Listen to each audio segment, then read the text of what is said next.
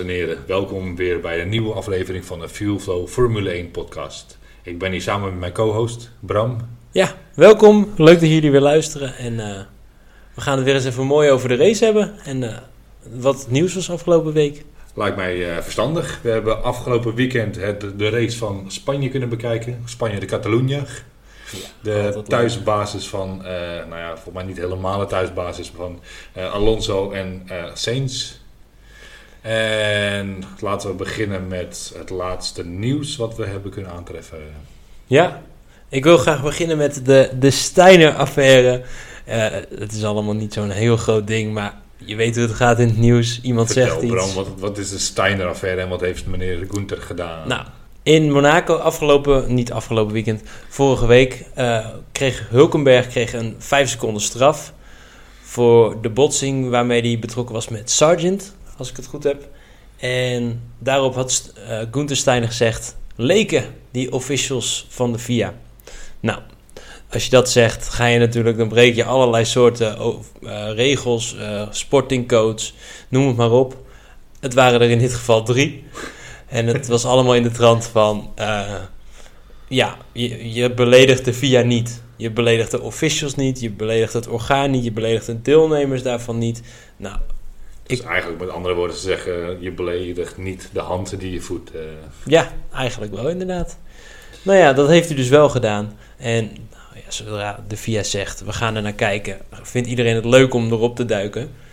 Dus toen was het de, de, de Gunther Steiner Gate. En wat denk je, wat, wat, wat voor straf zou je hiervoor geven? Ik heb, zou je je straf voor geven? Mm, nee, denk het niet. Ik denk dat het een eh, vingerwijsje gaat worden met de reprimande. Hij heeft inderdaad een reprimande gehad. En het leukste aan dit hele verhaal vind ik dan... Gunther Steiner zegt dan... Als ik iemand echt had willen beledigen, had ik wel wat anders gezegd. Zo van... Fuck. ja. Fuck Stewart. Als ik, als ik iemand had willen beledigen, had je net geweten dat het een belediging was. Nou, heerlijk die vent. Hij is zo lekker ongeremd. Fuck, fuck, die fuck. Don't hit my fucking door. Oké, okay, we gaan door. Ook een nieuwtje voor uh, Spanje, de Grand Prix van Spanje deze week, is de updates van Ferrari. Ze hebben hun sideboards aangepast. Heb je daar iets van meegekregen, Joep? Zeker. Ze hebben de sideboards meer op die van een Red Bull laten lijken. Meer het Red Bull concept wat uh, iedereen ongeveer aan het kopiëren is. Uh, de reden daarvan is dat ze eigenlijk gezegd hebben dat uh, de, de, de ontwikkeling van de auto, van de auto waar ze nu rijden, eigenlijk wel tot het, in het eindstadium zat. Ze hadden niet het gevoel dat het, uh, dit concept nog verder kon ontwikkelen. En de enige manier was om dat verder te ontwikkelen is om uh, naar de concurrent te kijken die verder is dan jou. Dus ik, uh, ja, ze zijn overgestapt ook naar inderdaad het Red Bull Sidepod concept. Nou, daar ben ik wel blij mee. Ik hoop dat het in de rest van het seizoen toch een beetje meer die spanning, competitie erin gaat brengen. Ik hoop het ook, maar ja, als je op deze al kan luisteren, het heeft ze niet heel veel succes gebracht in Barcelona. Nee, nee, zeker niet. Uh, we lopen even op de zaken vooruit. Uh, voor de mensen die de kwalificatie gezien hebben natuurlijk. Uh, Gasly krijgt zes plaatsen straf na het hinderen van Sainz en Verstappen. En het leuke aan dit hele verhaal vond ik... Dat hij twee strafpunten krijgt. Voor mij heeft hij ze niet gekregen uiteindelijk. Oké. Okay. Niet waar ik heen ging, maar wel weer, wel weer bijzonder dat, dat het genoemd wordt. De strafpunten van Gasly. Dat blijft een terugkerend fenomeen. Ook in onze podcast. Ja, we blijven ze tellen. Maar het grappige vond ik dus is... Uh, Gasly die hindert, want het was echt een stevige hinder in de kwalificatie. En Alonso vond daar wat van. Alonso ging over de boordradio's van... Zo, hij hindert ze erg. Uh, hij moet er echt straf van krijgen. Dus, nou ja, zo is het uh, gegaan. In onze gezamenlijke app heb ik Alonso al gebombardeerd tot toeschouwer, steward en begeleider van Stroll. Ja. En daarna is je ook nog eens een keer Formule 1-coureur. Uh, ergens, in de weekend of zo. Ja, tussendoor even een beetje. Ja. Het begint een beetje op Vettel te lijken, vind ik. Ja? Vettel had ook, uh, was ook de marshal. hij deed eigenlijk alles. Hij was een beetje de begeleider van alle jonge gassies. Nou, wel leuk om te zien. Ja, ik uh, vond het alleen, ik ga ook op de zaken vooruit lopen. Wat vond je van het hele feit dat hij uh, uiteindelijk over de teamradio zei van... Uh, ik rij achter Stroll, maar ik ga hem niet, niet aanvallen. De laatste, wat is het, zeven rondes. Ik denk dat het een beetje verbloemen is dat je niet sneller kon. Nou, hij reed veel sneller, want hij haalde hem dik bij. En eh, daarna heeft hij hem tot 1 seconde gereden en hij bleef buiten DRS. En over de boordradio dat er gewoon werd gezegd, nou, ik ga hem niet aanvallen. Ik ga mijn team aan niet aanvallen, maak je niet druk. Is er iemand die eh, de rekening betaalt misschien? Ja, dat, dat is een goede vraag. Ik weet het niet. Aan de ene kant is het natuurlijk is het geweldig voor een team. Als iemand zo erin staat van het team moet winnen en waarom zou ik het riskeren om elkaar eraf te kegelen. Maar- Maar aan de andere kant weet je toch ook wel een beetje die drive. Van Ja, tuurlijk. willen winnen. Ja joh, ik bedoel, eh, Alonso in eh, wat is het, 2005 had hem eraf gekegeld. Ja, bedoel, die zeker. heeft nog met Schumacher lopen vechten en die heeft Schumacher de, de, de baan afgekegeld, ingehaald, op plekken eh, uitgeremd en eh, deed alles maar om, om, om het plekje te kunnen winnen. En nu is het, eh, ja, ik sta derde in het kampioenschap, maar ja, punten voor het team zijn veel belangrijker. Zal dat dan toch een beetje zijn dat eh, Lawrence Stroll daar een beetje vinger in de pap Ik, heeft? nou, ik denk inderdaad dat de rekening betaalt, we het maar weer zeggen. Degene die je voet eh, maar niet... eh, in de hand bijten. in de hand bijten. Check. Al denk ik ook, eh, voor mij Stroll is hier nog wel om gevraagd, om een reactie na de wedstrijd. En die heeft gezegd, ja, we respecteren elkaar gewoon. En waar... Maar hadden ze elkaar ook gerespecteerd op het moment dat ze in een team hadden gereden, beide, waar papi niet de baas was? Ehm, nee, ik denk het niet. Ik denk dat ze elkaar sowieso al hadden gerespecteerd, maar dat hij dan wel voorbij was gegaan. Ja, dat denk ik ook. Interessant om te zien dat eh, Alonso zich ja, toch een beetje laat temmen. Ja, getemp getemperde Alonso. eh. Oké, check. Oké, en door. Naar de volgende. Eh, die vond ik wel leuk. Heb je, daar, heb je die geruchten meegekregen? Ja. Haas is wel, oké. Nou, ja, ik, ik, sorry voor de mensen die luisteren. Ik schud nee. En, ik zie de nieuwtjes voor me. Die heeft Bram keurig netjes voor hier op ons, op ons sheet neergelegd. En ik schud nee, maar ik bedoel eigenlijk hartstikke ja. Nou, take it away, Joep. Eh, de geruchten gaan eh, rond dat eh, Alfa Romeo de titelsponsor van Haas gaat worden. Je weet zoals de meesten zullen zeggen dat in 2026 gaat het, het Sauber, of wat zo nu bekend staat Haas, gaat overgenomen worden door Audi. Ja, Maar Alfa Romeo wil graag in de Formule 1 blijven. En Alfa Romeo wil niet overgenomen worden door Audi. Want dat vinden ze geen prettig idee dat een automerk een automerk overneemt. Eh, dus eh, Alfa Romeo heeft de samenwerking met Sauber gestopt eh, begin volgend jaar. Dus dit jaar als laatste jaar nog titelsponsor. En dan gaat, als het goed is, denk ik, Sauber weer terug onder zijn eigen naam Sauber tot 2026. ja. En in de tussentijd gaat Alfa Romeo verder als titelsponsor van Haas. Dus dan zal het wel Haas Alfa Romeo worden. Oké, ik ben heel benieuwd wat, wat dat gaat brengen. Geld? Ja, maar weet je, sinds de budgetcap is geld natuurlijk niet meer het allerbelangrijkste. Nee, maar Haas is ook alleen maar een titelsponsor. Hè? Eh, sorry, eh, Alfa Romeo is natuurlijk alleen maar een titelsponsor. Dus in principe eh, worden de plaatjes geplakt op de auto. Worden de, de, de, de auto's geverfd in de, de, kleuren van Alfa Romeo. En krijgt de, de, de race team krijgt de naam Alfa Romeo. Maar voor de rest geen techniek van Alfa Romeo. Geen motor, geen windtunnels. Weet je trouwens wie het chassis van Haas ontwikkelt? Nee, Dat doet de Lara. Wie? De Lara. zeg me niks. Zegt je niks? Nee. Eh, die hebben de Formule 2 autochassis, de IndyCar chassis bouwen die. eh, eh, Oké, dus die hebben genoeg ervaring. Zeker weten. Dus ik denk dat de Lara een van de grootste chassisbouwers van de wereld is voor motorsporten. En uiteindelijk, ze hebben een gedeelte van Ferrari natuurlijk, want daar kopen ze bijna alles van in. Ze hebben ook de windtunnel van Ferrari die ze daar gebruiken. Ja. En die zitten in de buurt van Manarello, waar Ferrari gevestigd is. Ehm, ja, wat kunnen we nog meer over Haas vertellen? Niks. Ja, ze, Alfa Romeo wordt de titelsponsor volgend jaar. Wat vond je van Haas afgelopen weekend? Althans, de geruchten gaan. Maar de geruchten zijn wel zo hard dat, eh, dat ik denk wel dat het waar is. Want voor mij wil Alfa Romeo gewoon lekker in de Formule 1 blijven. Ja, dat lijkt me ook wel inderdaad. Ja, toch? Wat vond je van Haas afgelopen weekend? Even tussendoor. Ik eh, vond dat de Haas op zich een best goed weekend had. Ik bedoel, eh Magnussen die heeft dan Q1 eh, niet gehaald. Nee. Maar. Hulkenberg is wel tot Q3 gekomen. Ja? Nou, Achtste is die. Dat vind ik een, een behoorlijke prestatie van iemand met, met een Haas. Maar ik vind dat sowieso Hulkenberg het wel aardig goed doet in de kwalificaties. In de race daarentegen, voor mij was Hulkenberg, de eerste die ging pitten. Of de Haas, na zes rondes al. Zeg ik even snel uit mijn hoofd. Ehm, nou, voor mij, ik weet niet wat er met, met de Haas in de race aan de hand was, maar eh, die vraat er in banden op. eh. ik weet dat Hulkenberg is drie keer in de pit gegaan. En Magnus heeft ook drie keer in de pit gegaan om nieuwe banden te halen. Ja, die gingen er aardig snel doorheen inderdaad. Maar voor de rest eh, waren ze denk ik wel lekker goed op weg. Ehm, helaas dat ze zo ver terug waren gevallen. Ja, dat is inderdaad even minder. Maar daarover straks meer. Nog even verder met wat nieuwtjes en dan eh, gaan we het nog even over het circuit hebben. Ik heb een gerucht gehoord dat Vettel iets gaat investeren. eh. Ja, Bram, vertel me daar wat meer over. ja Vettel die gaat weer mee, eh, gaat weer in de wereld van het racen stappen. Maar ik denk niet helemaal hoe jij denkt dat hij dat gaat doen. Hij gaat investeren in een, in een topteam in de Sail GP. Wat Zeg je dat wat? Dat is eigenlijk wat je met Formule 1 ziet, maar dan met zeilboten. Dus racen met zeilboten. Vet. Nog nooit eerder gezien. Nee, Maar ik ben wel eh, nieuwsgierig, laat ik het zo zeggen.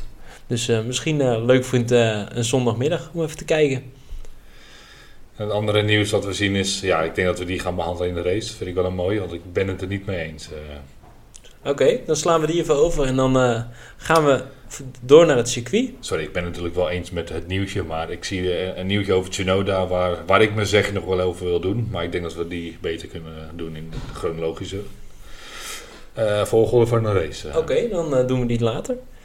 Heb jij wat feitjes over het circuit van Spanje, Bram? Zeker, zeker. De lengte van de baan is 4,6 kilometer. Eh, de baan heeft twee configuraties met 16 of 14 bochten. Ja, want eh, wat hebben ze weggehaald eh, deze race? Ze hebben bocht 13 en 14 weer teruggehaald en de chicane eruit gehaald. Wat vind je daarvan? Ik vind hoe meer bochten, hoe beter. In een tijd waarin de auto's steeds sneller worden en er eentje heel erg bovenuit steekt, is meer bochten meer kans om dat verschil te maken door het rijden. Ja, eens. En ik denk ook wel dat eh, de chicane waren langzame bochten. En dat is iets waar de Red Bull het minst goed in was. Eh, voor mij is de Aston Martin en de Mercedes schijnen daar nu heel goed in te zijn. Dan had het misschien wat leuker geweest. Aan de andere kant, eh, dan was het rechte stuk minder lang geworden. En de aanloop naar het rechte stuk minder lang. Waardoor de DRS minder zin had. En misschien ook niemand meer op het rechte stuk ging inhalen. Want volgens mij hebben de meeste mensen wel, eh, sorry, de meeste coureurs wel de, de, de meeste inhaalacties gehad. hm, Aan het einde van het rechte stuk voor bocht 1. eh. Ja, dat denk ik ook wel inderdaad. Wat ik ook een leuke bocht vond is bocht 5. Omdat dat, eh, nou ja, dat gaan we straks nog verder behandelen. Er zat echt een flink verschil in snelheid. Je moest daar echt van, veel coureurs zag je van de zesde versnelling teruggaan naar de derde. En dat allemaal in een hele korte tijd. Want het was eigenlijk een bocht in een bocht. Ja. Je kwam de bocht uit en je moest daarna, nou ja, je, je snelheid er zo snel uithalen. Anders gleed je gewoon door. Mochten jullie geïnteresseerd zijn, we zullen een afbeelding plaatsen van deze bocht op onze Instagram pagina. De F1 Fuelflow pagina. Nou ja. Bij deze. Dan Eh, eh, kun je even kijken wat we bedoelen. En ik denk voor de mensen die de race ook echt gekeken hebben, dat bocht 5 meer dan eens in beeld is geweest. Dat het is meer dan eens fout gegaan. Is dat niet de bocht waar eh, de Vries er twee keer afgegaan is? Ja, en volgens mij Perez ook. En nog een aantal anderen. Ja. En sowieso Perez is eraf gegaan in de Q2. En daardoor heeft hij Q2 ook niet gehaald. Eh, het scheen dat hij eh, de temperatuur niet meer terug in zijn banden kon krijgen. Nee. En dat hij daarom een, een, ah, gewoon dikke twee seconden achter de nummer 1 stond. Ja, wat zonde was. Want het was echt een, een mooie kans voor hem geweest om...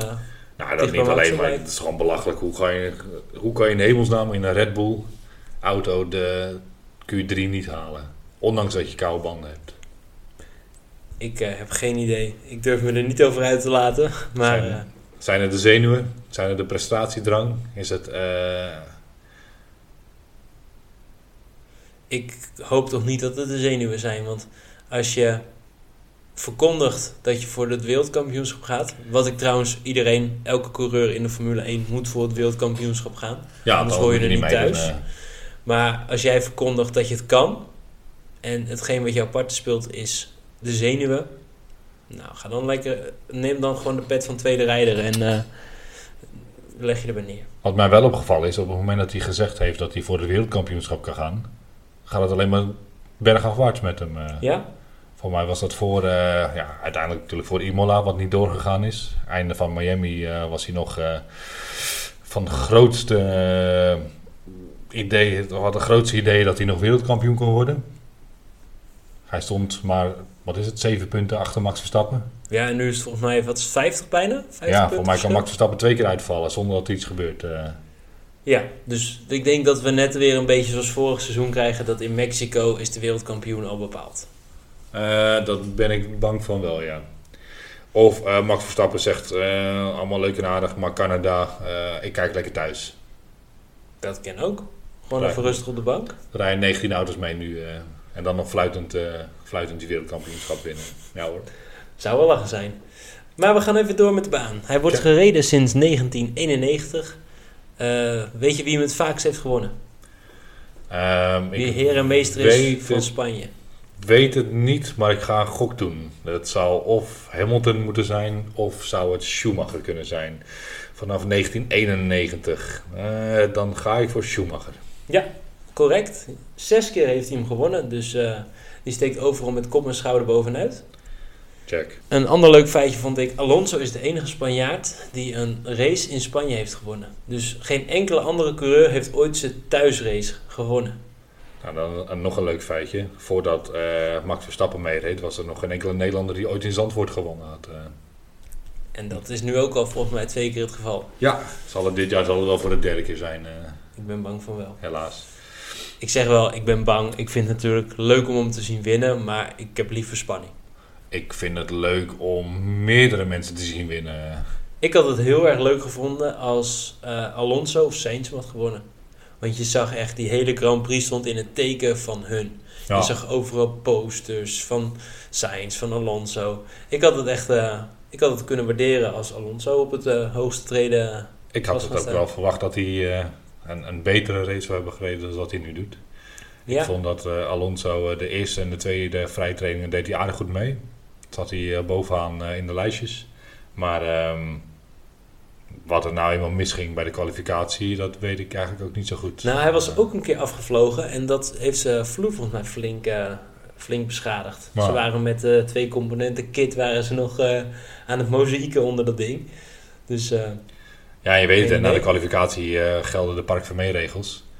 Dus op dat moment mag je niet naar je auto, sleutel, auto sleutelen zonder dat je daar straf voor krijgt. Zoals je waarschijnlijk gemerkt hebt dat Leclerc dat gedaan heeft. wist je dat bij Park Vermee er ook een gebiedsverbod eh, bestaat? Ja.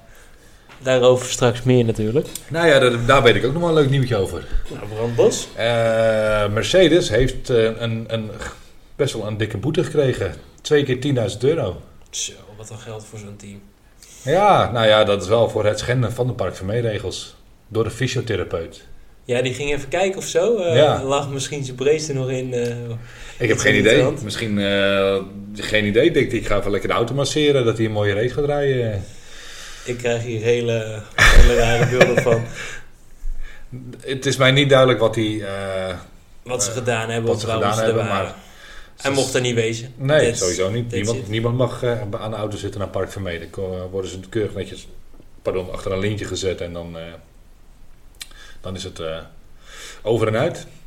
Ja, Tot de race. oké. Nou ja, vrije trainingen. eh, ik ben daar voor mezelf heel eerlijk in. Ik heb daar gewoon geen tijd voor om ze te kijken. Dus ik heb daar ook niet zo heel veel over te vertellen. Ik weet dat de, de beelden die ik gezien heb, dat het erg natte vrije trainingen waren. En dat bocht 5 een grote uitdaging was voor iedereen. Ik eh, heb hetzelfde. Ik, eh, wij hebben gewoon denk ik alle twee een fulltime baan. Ehm, ja, mocht de tijd vrij zijn, dan zet ik het op de achtergrond nog wel eens aan. En dit keer had ik geen tijd. eh, dus ik heb het ook niet gekeken. We slaan hem gewoon even over. Ja. En we gaan door naar de kwalificatie. Die heb ik wel gekeken. Ik vond het een, eh, een leuke kwalificatie. Om te zien. Ik eh, ben het met je eens. In het begin van de kwalificatie begonnen we met lichte regen. Dat was voor een aantal coureurs lastig. Die hadden er wat moeite mee. joh. Er waren genoeg glijpartijen in Q1 al. En eentje vond ik heel interessant. En daar wil ik jou een vraag over stellen. Heb jij de, de glijer van Bottas gezien? Ja, Daarna kwam er een rode vlag. Meteen, direct, boom, bam, Ja, bovenop. ja, ja, sorry. Ik, eh, ja, ja, ja, ja. ja. En eigenlijk reed hij meteen weer weg. Wat zijn de regels? Mag een rode vlag ingetrokken worden? Of is een Eh. rode vlag allemaal naar binnen en dan zien we het wel weer? Eh, om heel eerlijk te zijn, ik weet heel veel van de regels, maar ik eh, weet van dit niks. Ehm, En wat vind je ervan? Laten we dat dan... eh, ik vind dat je een rode vlag niet moet intrekken, want je zet hem niet voor niks neer. Volgens mij was het vanwege dat ze hadden gezien dat meer mensen op dezelfde plek een schuiver aan het maken waren. Ja. Dus ze hadden natte plekken op de baan gezien. En ze wilden de rode vlag doen om die natte vlekken te laten opdrogen. Oké. Maar was een gele vlag dan niet beter geweest? Nee, want er zijn nog steeds auto's op de baan. eh. En het voordeel daarvan met de gele vlag is dat je natuurlijk wel de auto's over de vlek heen laat rijden, waardoor die waarschijnlijk sneller opdroogt. Aan de andere kant is dat niemand met een gele vlag een tijd kan neerzetten. Het voordeel van, daarom hebben ze de rode vlag gedaan, eh, zodat de tijd stopt. In de kwalificatie loopt de tijd nog door. Nee, in de kwalificatie stopt de tijd. Ze hadden nog 12 minuten op de tijd. Eh, daarom hebben ze er toen voor gekozen om, om een rode vlag neer te zetten. Zodat iedereen nog steeds 12 minuten had om. Oh, de een- tijd in de race loopt door bij een rode vlag. Dat is het. Nee, in de kwalificatie. Eh, sorry, in de vrije trainingen. Bij de race ook toch? Want Nee, je dan mag, stopt hij ook, mag ook maar zoveel uur racen. Je klok loopt door. Je laps alleen niet. Eh, nee, dat is waar. Je hebt volgens mij een periode van 4 uur waar je mag rijden. Ja. En in die 4 uur moet de race gereden worden. Zoals Daar heb jij Spa. gelijk in. eh, ja. Oh, wat hebben we lang zitten wachten bij Spa. Daar heb jij gelijk in. Eh, Nee, dat is waar. Dan loopt de tijd door, maar de, de rondes gaan niet door. Maar tijdens de kwalificatie stopt de tijd voor Ah, ja. de kwalificatie. Nee, dat is ook zo inderdaad. Oké, gaan we verder met Q1. Eh nou ja, inderdaad, lichte regen. Bottas ging niet helemaal lekker. Rode vlag. Ik Maar- vond Ferrari erg laat naar buiten eigenlijk. Ja, die reden de laatste zes minuten of zo pas naar buiten. Ja? Eén flying lap en that's it. eh. Ja, die dacht dat is wel goed zo, denk ik. eh. ja, ik vond het een eh, tricky, eh, tricky riskante move eh, van ze. En volgens mij deden ze dat in Monaco ook al. Dat ze heel erg lang aan het wachten waren. Ja, het kan best zijn dat ze een setje rode banden willen uitsparen dan. eh. Ja, ik, dat snap ik. Alleen ik vind niet dat ze op dit moment de track record hebben om, om, om dat risico te nemen. Ja, nou ja, ik vind van wel. Ik denk het wel. Ik eh, geef eigenlijk wel groot gelijk, want ze zijn echt niet de, de laagste vijf. Nee, niet de laatste vijf, maar Dus dan kan je ze willen erbij zitten. En ze zitten er op dit moment nog niet echt bij bij de top Nee, dat snap ik. Maar als jij eh, een, een setje banden kan uitsparen, wat eh, misschien een hele mooie strategie is voor de, voor de race zelf, zou ik dat inderdaad in Q1 gedaan hebben. De kans dat je dan uitvalt, maar volgens mij lag Sainz er wel bijna uit in Q1. Of was het eh Perez die er bijna uit lag in Q1? Nou, weet ik, doet er ook niet toe. Ik weet niet alle uitslagen uit mijn hoofd. Nee, ik bedoel eh, dat hij... eh, Nou, Leclerc, is gewoon uitgevallen in Q1. Oh, dan heb ik helemaal niks gezegd. Zo hé. Kijk, Sainz hebben het daarentegen wel, wel lekker gedaan. Maar ja, Leclerc kwam er gewoon niet bij. Nee, blijkbaar. Dan was het een risky move. Nee, dan heb je gelijk, Bram. Maar weet je, je gokt en af en toe win je, af en toe verlies je. En Leclerc heeft verloren, verloren en Sainz eh, heeft het goed gedaan.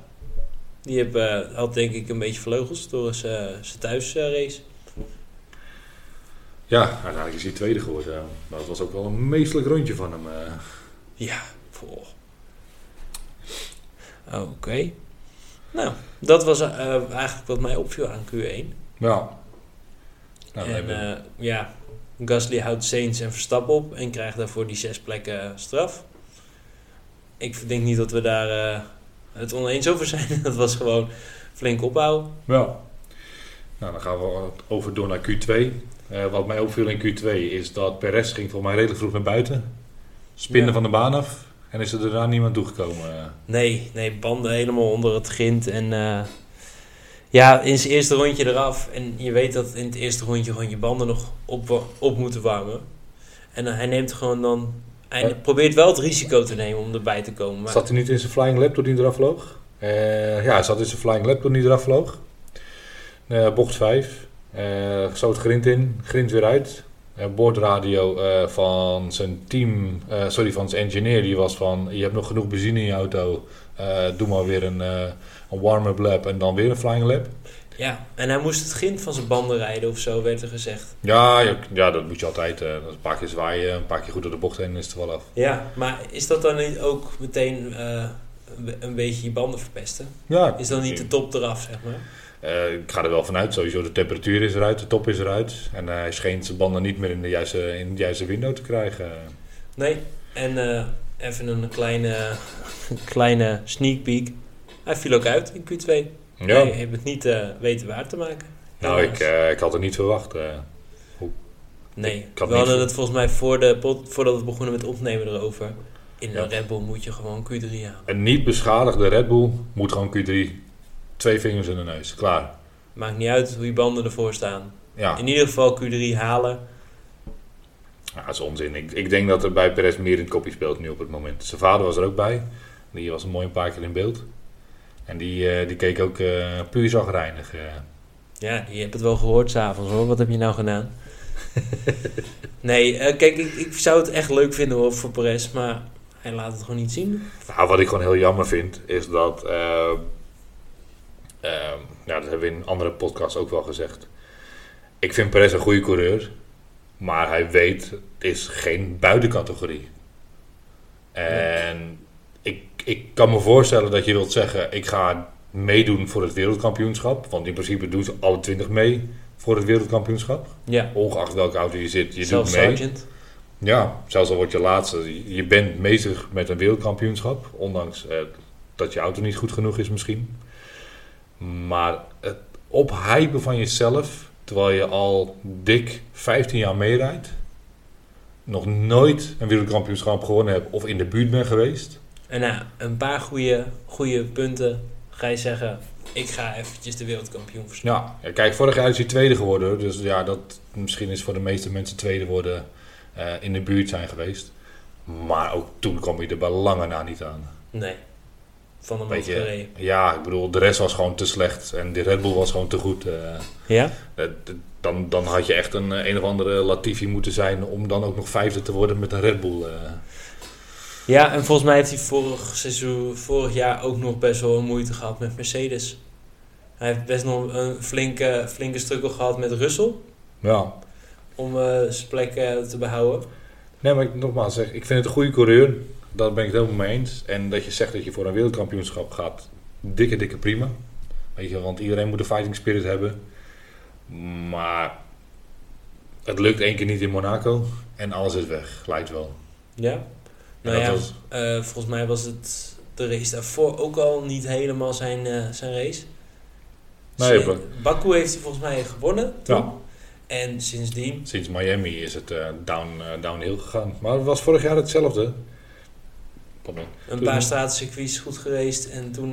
Ja, toen had hij Monaco gewonnen en toen kwam er nog achter op de radio, ja, en ik ben blij dat ik mijn contract getekend of nou, Wat zei hij ook alweer toen, vorig jaar bij Monaco? Ik heb mijn contract te vroeg getekend. Nou, ik denk niet, eh, niet vroeg genoeg.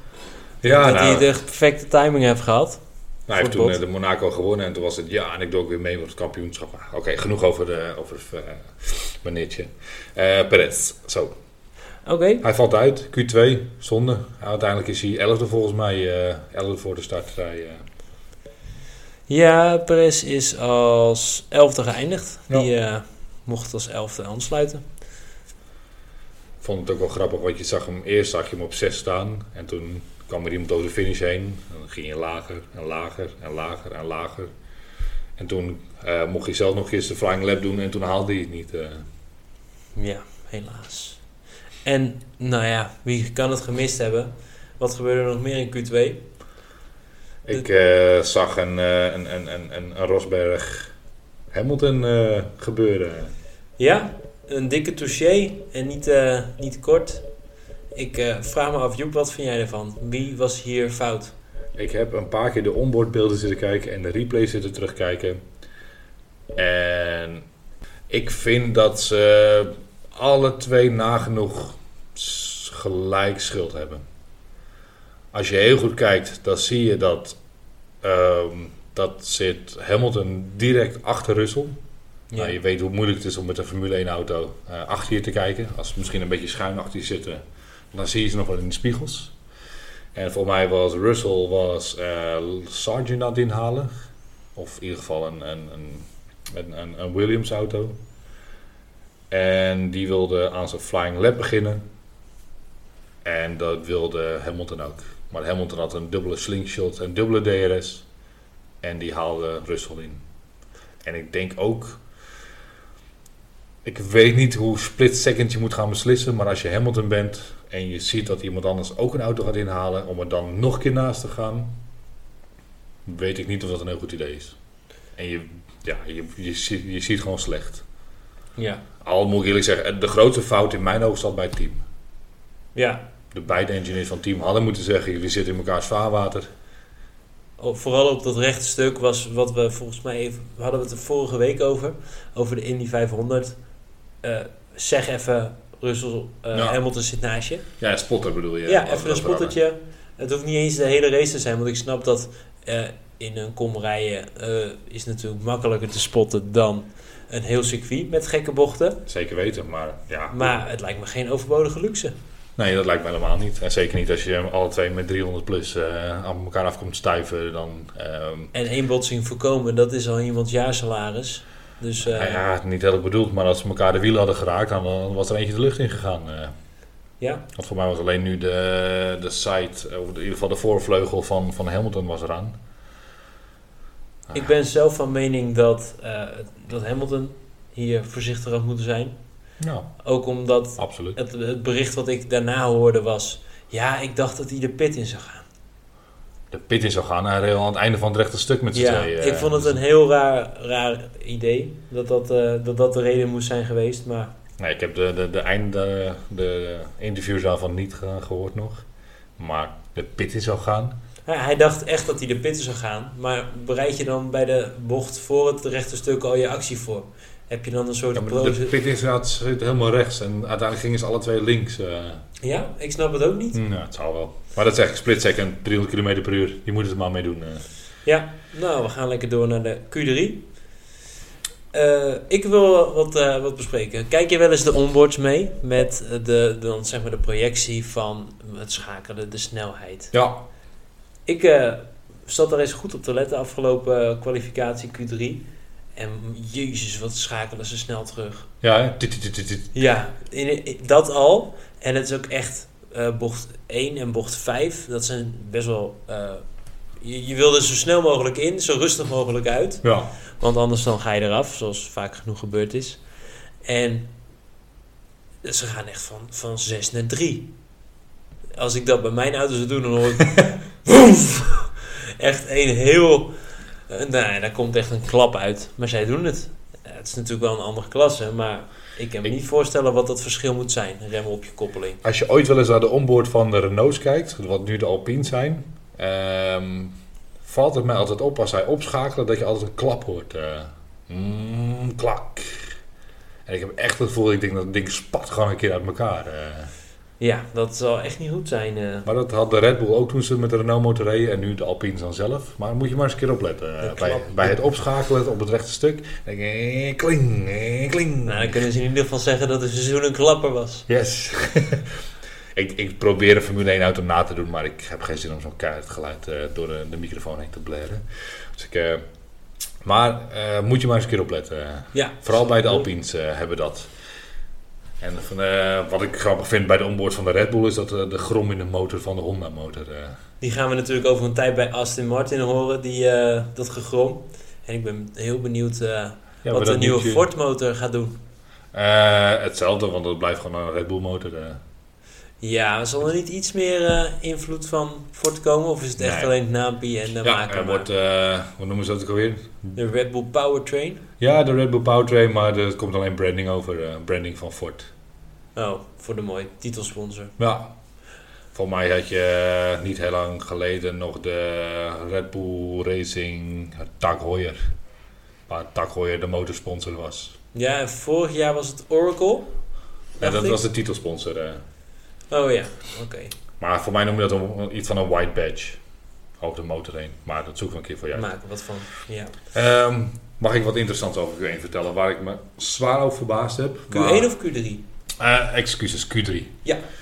En waar deze titel van deze podcast ook eigenlijk op gebaseerd is. Max rijdt naar buiten als eerste. Zet een bankerlap neer. Rijdt naar binnen. Team zegt: laat maar, stap maar uit, ga maar lekker koffie drinken.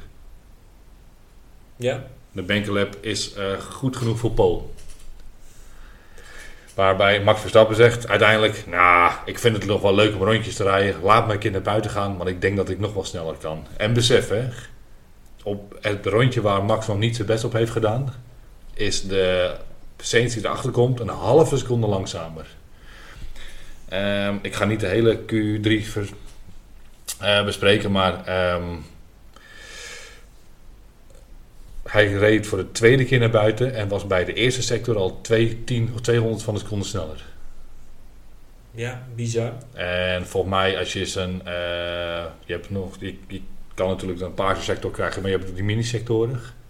En in sector 3 was hij ook al bezig met een paarse sector. Die heeft hij uiteindelijk afgebroken omdat iedereen al over de finish was. En dat had Ja, en toen kreeg je een mooie boordradio van... Ja, dit kunnen we winnen, nice lap. Yep. Maar hoe idioot is het dat als jij nog niet eens eh, eigenlijk gewoon stomweg je bankerlap neerzet, dat die al een halve seconde sneller is dan de nummer 2 achter jou. Ja, misschien werkt relaxed rijden dan toch wel het allerbest. Gewoon focus en... Nou ja, die ik, ik denk dat hij er nog 4, 15 al af had kunnen krijgen. Als ik zo naar die, eh, de, de tweede waar hij mee bezig was.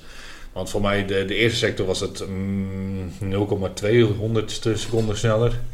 Eh, sector 2 weet ik niet. En met sector 3 was hij ook alweer een 100 seconden sneller dan zijn vorige tijd. eh. Ik denk dat hij het gewoon even rustig aan deed voor de competitie. Om het nog leuk te houden. Die jongen die, eh, die reed op 70% van wat hij kan. Dus kom maar op, competitie. Maak het er maar moeilijk. Maar het is toch van, van de idioten dat we nu ook al 40 minuten aan het praten zijn en nog niet eens een race gehad hebben. En dan eh laatste puntje voor eh, de Q3. Alonso eh knikkerde natuurlijk flink af. En die had eigenlijk gewoon de hele, de hele, kwalif, hele Q3 gewoon last van zijn vloer. Ze zijn met twee componenten kit zijn ze hem aan het mozaïeken geweest. En het is hem niet meer geworden. Duidelijk verhaal dit. Sainz was natuurlijk wel tweede geworden. En Norris was derde in de kwalificatie. Iedereen was verbaasd. Ik zag Verstappen ook uitstappen. Is dat Norris? Op- ja, ook een hand geven en eh, zo. En P3. naartoe lopen en eh schouderklopje erbij.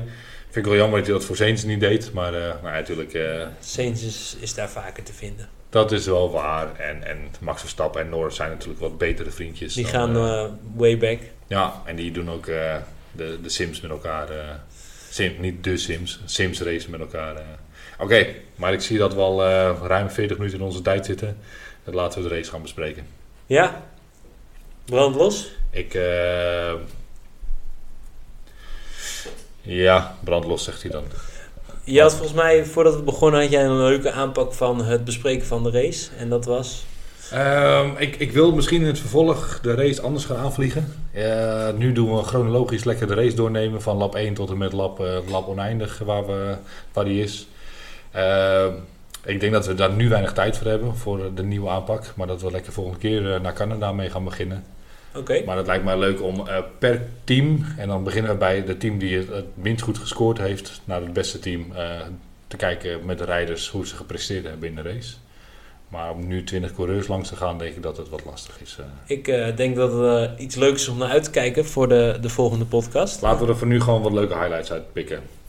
Ehm lichten gaan uit. En eigenlijk, eh, we, we hebben het vorige week volgens mij besproken.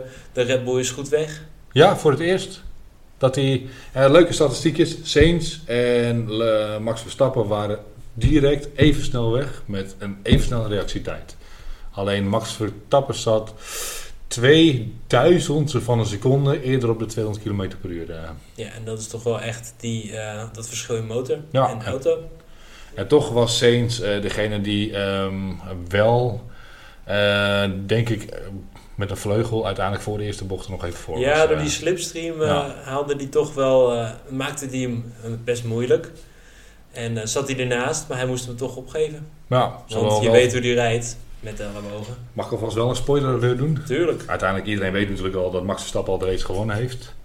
Ehm hoeveelste overwinning was dit? zijn eh, vierde, Veertigste. veertigste. Vierde. ja, tja, ik... Dit, dit seizoen toch? dit seizoen is het de vierde. Maar ik bedoelde eigenlijk inderdaad de, hoeveel overwinningen heeft Max. eh Oh, ja, 40. 40 stuks. En hoeveel overwinningen heeft eh Ayrton Senna? Die zal eh, volgens mij aardig in de buurt zitten. Ayrton Senna had er 41. Gaat hij het in Canada dan waarmaken? Ik denk het wel. Gaat die Ayrton Senna voorbij? Ik denk het wel. Ooit, ooit wel. Ja, duidelijk. Duidelijk dit seizoen. eh. Daarbij wil ik wel de vergelijking trekken. Is dat Ayrton Senna 162 races ooit in zijn leven gereden heeft. In een tijdspan van 11 jaar. En Max Verstappen heeft er 170 gereden in een tijdspan van 9 jaar. Ja, met die bomvolle kalenders van tegenwoordig. eh, Zeker, maar ik vind het verbazingwekkend hoe weinig er uit elkaar ligt. Ik bedoel, Max Verstappen heeft maar 8 Formule 1 races meer gereden. En wel bijna dezelfde overwinningen eh, behaald. ja, Er zijn maar weinig die dat voor elkaar kunnen krijgen. Volgens mij heeft eh, Hamilton en Michael Schumacher in die tijd meer races gewonnen. Maar dat is een leuke side note vond ik. ja. Wat mij ook nog opviel, naast Sainz en Verstappen die eh, het elkaar moeilijk maakten in lap 1. Norris, jezus, wat was hij slecht weg. Hij was alleen niet slecht weg, maar volgens mij had hij een- ook een mooi touché. eh. Ja, om, omdat hij inderdaad zo slecht weg was, raakte hij Hamilton.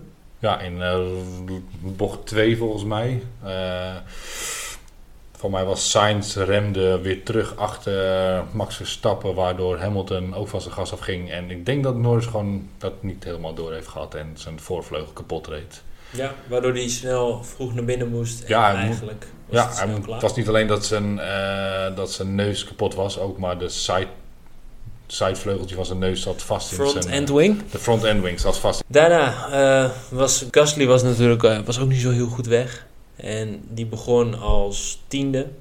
Want hij was als vierde gekwalificeerd, maar hij kreeg dus zes plaatsen straf. Nou, dat ging eigenlijk ook niet zo geweldig. En Russell. Nou, voor mij was Russell. wie was dat in, bol, in lap 1 die de, buiten de baan geduwd werd? De, Russell de- werd buiten de baan geduwd. Ja, en die haalde opeens vier mensen in eh, en heeft er geen straf voor gekregen. Dat vond ik inderdaad een bijzondere actie. Eh, ja, later was natuurlijk wel te zien dat hij was gewoon stukken sneller.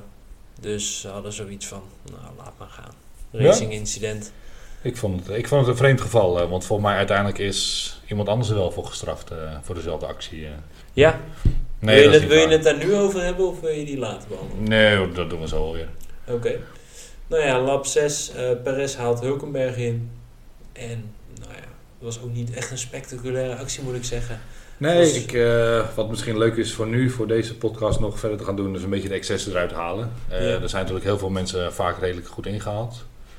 Ehm, ik merkte voornamelijk na een pitstop, dan kwam bijvoorbeeld Leclerc weer achteraan en kwam Russell weer achteraan. En die haalde op zich wel redelijk iedereen weer goed in. Ehm, daarbij voor mij Nick de Vries heeft eh 30 ronden achter eh, Magnussen en Hulkenberg gezeten en er niet voorbij kunnen komen. Door de topsnelheid van de Haas zelf. Ja, de Toron naartoe kunnen rijden, maar de rechte stukken waren dan gewoon eh, waar ze weer eh, verdwenen. Ja. Maar de dingen die... eh, misschien is het handig inderdaad een beetje de dingen gaan bespreken die ons opvielen. Want voor de rest was het niet een hele bijzondere wedstrijd. eh. Nee, ik zeg natuurlijk, eh, ik vertelde net dat Perez haalt Hulkenberg in en het was niet, niet zo geweldig. Gewoon op het rechte stuk, Ja. zoals Nee, dat je dat kent. Maar in lap 9 haalde hij wel een heel mooi show in. Ja, Dat was echt een mooie actie, eruit geremd, breed gehouden. Eh, nou, ik was, wel, eh, ik was dat wel even te klappen voor hem. nou ja, als we het dan over Perez gaan hebben. ik- hij stond op de 11e plek. En moest zich terugvechten naar minimaal plek 5 of plek 4. Kreeg hij van eh, Red Bull te horen. Dat, dat plek 5, plek 4 was volgens hun mogelijk. Ja, En niet meer dan dat. Ehm, ik ben het met Max Verstappen eens geweest. Max Verstappen die zei eigenlijk eh, voor mij in het begin van de race... Nou, ik denk dat hij eh, achter mij wel tweede gaat worden. Ik bedoel, ik zie geen, geen reden waarom hij dat niet eh, zou worden. En op zich, ze zaten op een goede strategie. Weet je, ze begonnen met de mediumband. Daar hebben ze volgens mij een ronde of... ehm, nou, zeg, wat zal het zijn? 28, 29 hebben ze op de mediumband rondgereden. ja, ging aardig lang mee. Ja. En uiteindelijk, eh, als ik het zo moet begrijpen, vonden ze de, de mediumband niet heel veel beter dan de soft. Ehm, Nee, die, de mee, degradatie was, iets, eh, was iets meer dan ze hadden verwacht. Ja, maar ik denk dat als Max zijn best had gedaan, had hij hier voor een eenstopper kunnen gaan.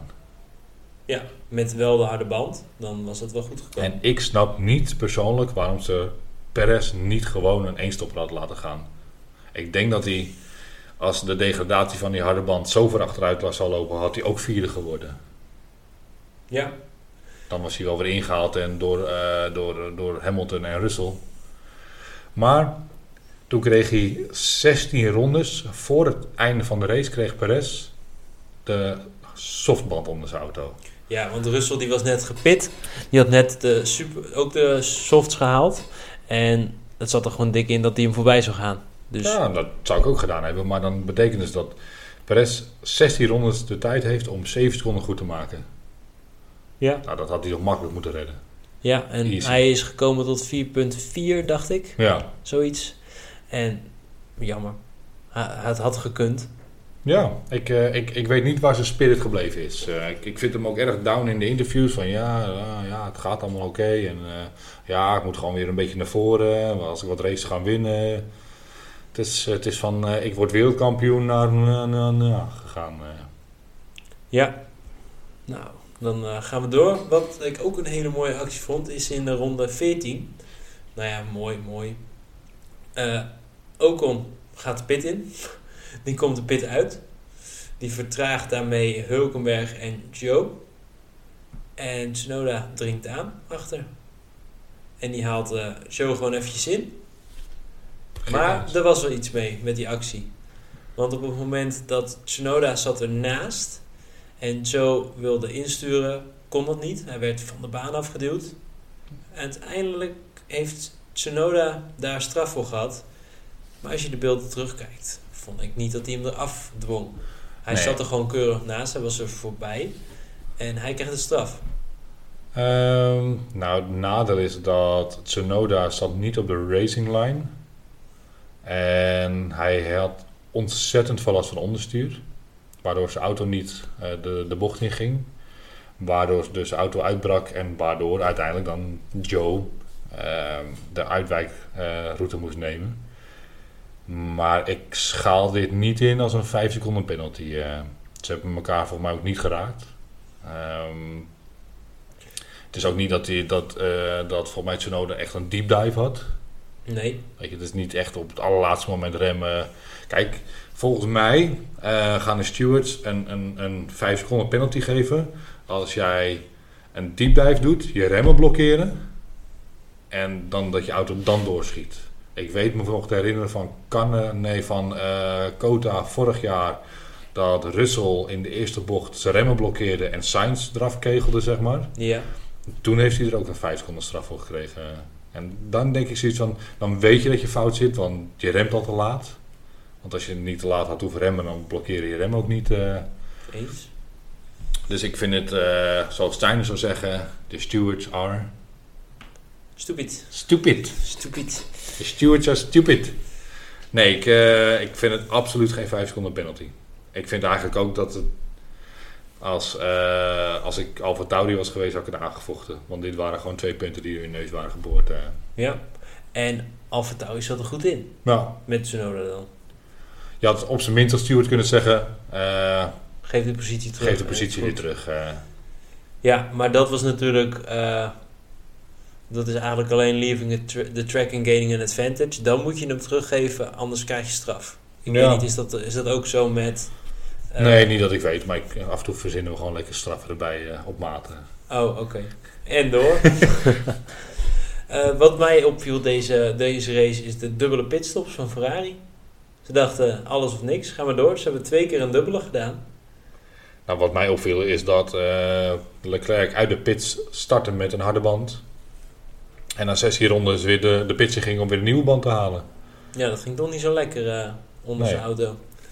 En ik vond hem niet zo, eh, ik vond hem niet zo levendig, Leclerc. Nee, Hij was, eh, nou ja, leider in het, in het middenveld, achterveld. nou, dat is kleurloos. Ja, weinig over te zeggen eigenlijk. Waar ik mij ook wel enorm aan geërgerd heb, is over dit keer het Viaplay Ehm, die begon inderdaad over de, de Ferrari. Dat als daar 30 kilo eh, minder brandstof in zou zitten, dat ze dan op een ideaal punt zouden zitten. Dus in het begin van de race vreten ze de banden op omdat ze te zwaar zijn. Maar als ze ongeveer een kilo of 30 aan, eh, aan brandstof verbruikt hebben, dan is het een, eh, is het een mooie fluwele auto aan het worden. Maar Hè? ik kon me er niet echt in Dat begrijpen. is toch niet echt beter geworden in de loop van de race? Ja, maar een, een auto die opeens 30 kilo lichter wordt, wordt toch niet één keer superveel beter als dat die 30 kilo zwaarder is. Tuurlijk wordt hij geleidelijk wordt hij sneller, dat snap ik ook wel. Ja, vreet de banden minder op. Vreet de dat- banden minder op, Oké, maar eh, dan zouden elke Formule 1 auto daar toch last van hebben. ja. Met 30 kilo minder. Nou, oké, sorry. Het is een beetje zo'n Olaf Mol statistiek, denk ik. Ach, ja, oké. Als je eh, drie keer over je hoofd wrijft en dan vijf, eh, vijf overwinningen van die bij die optelt, dan heb je hetzelfde aantal overwinningen voor deze twee coureurs. Ja, en de vorige keer zwommen er in eh, de, de, de meer daarnaast twee ganzen en dan doen het nu weer. En er zijn weer twee witte auto's die een spin gemaakt hebben. Dus dan betekent dat de Ferrari sneller zijn met 30 kilo minder. Ja, precies. Duidelijk. Lijkt Dat, me mooi. Nou ja, dat is een goed voorbeeld. Had je trouwens de inhaalactie gezien van, eh, wie was het? Van Alonso. Dat hij half de pit in moest. eh. Half de pit in moest. Ja, Vertel. hij maakte inhaalactie aan het einde van het rechte stuk. Was aan het uitbekijken, uitwijken voor Ocon. Ocon die drukte hem naar rechts en Alonso die haalde hem rechts in eh, vlak over de pitstraat heen. Nee, ik moet heel eerlijk zeggen dat dat me ontschoten is. Jammer, het was een, eh, een, een hele mooie inhaalactie van eh, meneer eh, Alonso. Wel een beetje gewaagd. Beetje maar. Een beetje maar. Oké, ehm, verder met de race. Wat viel me nog meer op? eh, Ik moet heel eerlijk zeggen, ik vond het rond de, bij ronde... Nee, inderdaad. Ik heb hem hier ook eh, op mijn notities gezet. Ocon verde- verdedigd idioot. Ja, nou, ik vond het een mooie actie. Ik, eh, ik werd er wel even wakker van. Ja, want dat was ook eigenlijk het punt wat ik wilde maken. Van ronde 30 tot, tot de ronde 45 vond ik het niet heel spannend. Iedereen deed zijn ding en was aan het wachten tot het eind zat Ik heb komen. me verbaasd inderdaad over Yuki Tsunoda, die inderdaad een keurige negende plaats eh, behaald heeft. Met de 5 seconden penalty. Maar eh, de Mercedes, zijn ze er weer? Ik, ik ga niet zeggen dat ze er alweer zijn. Want dat hebben we eerder gezegd. Dat het na één race dat het weer helemaal goed is. Of is het nu gewoon elke race achter Max Verstappen stuivertje wisselen? In Monaco was het eh, de, de Aston Martin die, er- die er mooi bij zat. Nu eh, schijnen de Mercedes'en Mercedes'en er goed bij te hebben gezeten. Nou, ik vind 22 seconden achter een Red Bull er niet goed bij zitten. Maar Nee, ik wil eerst nog wel wat meer races van ze zien. Hoe ze het gaan doen. Voordat ik zeg, dit eh, was... Maar vergis je niet, hè, vorig Ja, jaar waren ze ook goed in Bra- Brazilië. In Barcelona. Ja, ik, ik ga er nog niks over zeggen. Ik wil eerst zien hoe ze het doen. De komende Gaat er tijd. dit jaar weer een Mercedes een race winnen? Ik denk in ieder geval één. Er gaat in ieder geval wel een keer een race wat geks gebeuren. Waardoor het allemaal opgeschud wordt. Ja, maar gaan ze een race winnen omdat ehm, de Red Bull het niet voor elkaar heeft? Of gaan ze een race winnen omdat de Red Bull uitvalt? Omdat de Red Bull uitvalt. Duidelijk. Maar ik hoop dat ik ongelijk eh, bewezen word. Ja. Ik hoop dat ehm, zeker na, het, na de zomerstop, dan gaat ook al de, voor mij de windtunneltijden gaan weer eh, de schop op. Dus dat betekent dat ook Aston Martin en Red Bull minder windtunneltijd krijgen en Mercedes misschien wat meer. Ehm, dat het tij gaat keren. Ik zou het wel weer leuk vinden als eh, in ieder geval Ferrari, Aston Martin, Red Bull, Mercedes allemaal om de eerste plek kunnen gaan strijden. Maar ik heb er een hard hoofd in. Ja, vooral als de zomerstop is natuurlijk nog een aantal races weg. Ja, Dan denk ik dat als het zo doorgaat, de voorsprong al eigenlijk zo uitgebouwd is dat het echt nog moeilijk wordt. maar dan toch over Mercedes gesproken. Ik vind dat eh Russell heeft het mooie werk gedaan. eh. die voor mij startte die op 14, de positie 14 achter Perez. En is toch wel even mooi derde geworden. Ja, die had, het, eh, had er goed de vaart in. Ik bedoel, als Perez zijn, dan moet je dan toch zelf achter je oren krabben in een auto die minder is. Eindigt hij wel voor me. Ja, hij heeft de juiste keuzes gemaakt en gewoon goed gereden. Beter gereden. Ja, dat zeker. Heeft hij een eh, meer talent, Russell, dan Perez, denk je? Ik denk het wel. Ik denk ook, Eh Russell is natuurlijk gewoon begonnen in een, laten we even zeggen, een slechte auto. Het zijn allemaal goede auto's, maar de minste van al. Hij heeft heel erg moeten vechten en ik denk dat dat vechten hem nu helpt. Hij heeft van eh, het minste het beste moeten maken. En nu heeft hij goede middelen en denk ik dat hij daar gewoon eh, alles mee doet wat hij kan. En is eh, Hamilton beter dan Russell? Dat denk ik wel. Ja? Ja, ik denk in een constante auto dat hij daar een beter resultaat uit kan halen. Maar inderdaad, eh, het beste maken van, wat, van een slechte auto, dat dat Russell toch wel helpt in de uitdagingen die de, eh, dat, die de Mercedes-auto met zich meebrengt. Oké. Ja, ik heb er maar over de autorit eh, terug naar huis even zitten nadenken. Maar ik, eh, ik denk dat op dit moment Russell beter is dan Hamilton. Ja? Ja. Hoezo? Nou, ik, ik heb wel zo'n beetje het gevoel... Nou, Hamilton heeft, is nu al tweede geworden dan. Maar dat hij toch wel een beetje aan... Ja, ik weet niet. Het, hij lijkt zijn shine wel verloren te zijn. Ook zijn fighting spirit. Eh, vroeger baalde hij als hij tweede wordt. En nu springt hij een gat in de lucht als hij tweede is. eh. Ja? Ja, ik weet het niet. Ik eh, hoop dat hij, dat als hij dat kwijt is, dat weer terug kan vinden. Ja, ik hoop het ook. Maar aan de andere kant denk ik, ja, je bent ook gewoon 29. Of 29. Je bent ook gewoon 39. En aan Alonso te zien kan het op je 41 dus blijkbaar ook nog wel tweede worden. Ja? Maar ja. Ik hoop dat het weer wat beter gaat worden. Nou ja, als je ons eh, perfecte team wil terugluisteren of wil weten wat wij de perfecte teams vinden, dan eh, moet je twee podcasts terugluisteren. En dan eh, hebben wij het over de, de ideale gridopstelling. Ja. Het is een leuke podcast. Ik zou hem luisteren als ik jou was. Nou ja, ik denk dat dat eigenlijk wel de hoogtepunten van de race waren. En volgende, niet volgende week, de week daarna gaan we naar Canada. Ja, En gaan we daar lekker racen. Voorspelling?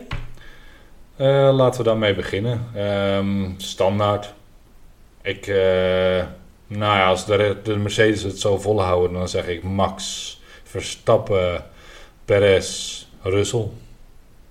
Ja, ik denk Max Verstappen, Hamilton, Russell.